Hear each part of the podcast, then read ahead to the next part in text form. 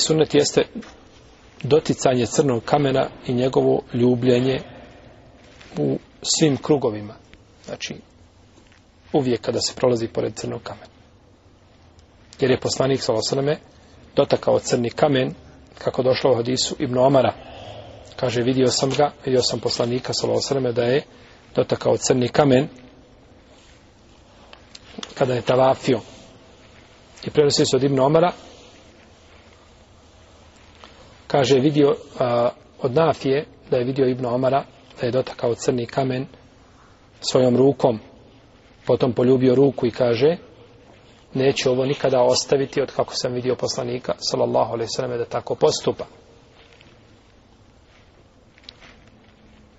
i Omar radi Allahom je poljubio crni kamen jeli kaže poznato je jeli njegovo inni la alemu anneke ente hađar la taduru la tenfa leula enni rajtu nebije sallallahu alaihi sallam i ukabilu kema kabilu Ja znam, kaže, znaš, da si ti kamen. Ne koristiš ni štetiš, džaba je što si iz džendeta. Šteta je i korist od Allaha za ođel. On je taj koji može nanijeti korist ili nanijeti kakvu nedaću čovjeku. Ali kaže da nisam vidio poslanika, sa da te ljubi, nikada te ne bih poljubio. Ako ne može čovjek a, dotaći rukom crni kamen i ti ga poljubiti, što je isto tako na hađu, jako teško,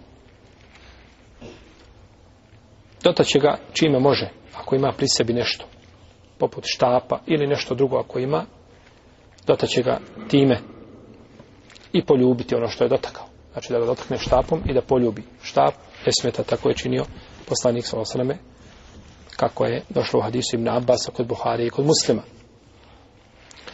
A ako ne može ni to, onda će dići svoju ruku i pokazati, i pokazat će svojom rukom, i pokazat će svojom rukom. Od Ibnu Omara se prenosi, a, da je dizao ruku i da je govorio Bismillah, Allahu Ekber.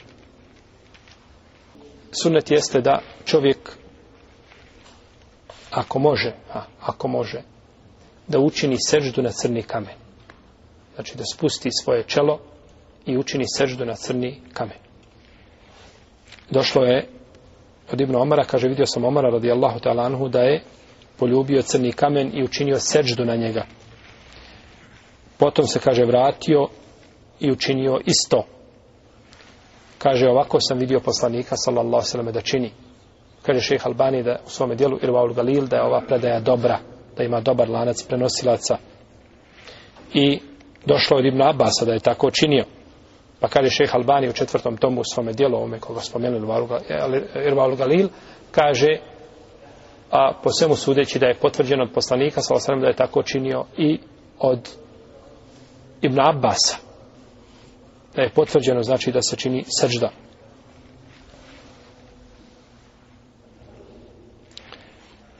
doticanje jemenskog ugla to je sedmi sunnet doticanje jemenskog ugla Bog Hadisa Ibn Omara kaže nisam vidio poslanika sa osram da je, da je doticao bilo koji drugi ugao osim dva jemenska ugla misle na koje je na jemenski i na crni kamen, zato što su oni, znači, taj hijđanski ili jemenski, kako ćemo ih nazvati, jeli, u tom pravcu je, znači, južni ti uglovi, za razliku od sjeverni. Zašto sjeverni nije doticao? Molim? Zato što nisu od Kjabe, nisu od Kjabe, i ne znam da kraju krajeva, i da, su, i da je bila Kjaba kako je bilo, da li bi poslanik sa osamnešt doticao? Ne znamo mi to. Nas, znači, zanima da poslanik sa osamnešt to nije činio, i ni mi to nećemo činiti.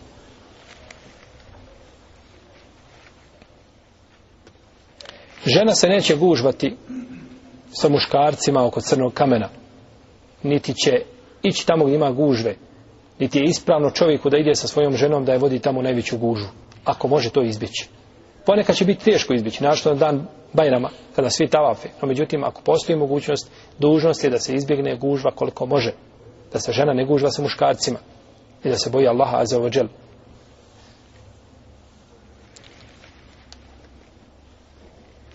Naravno oko crnog kamena.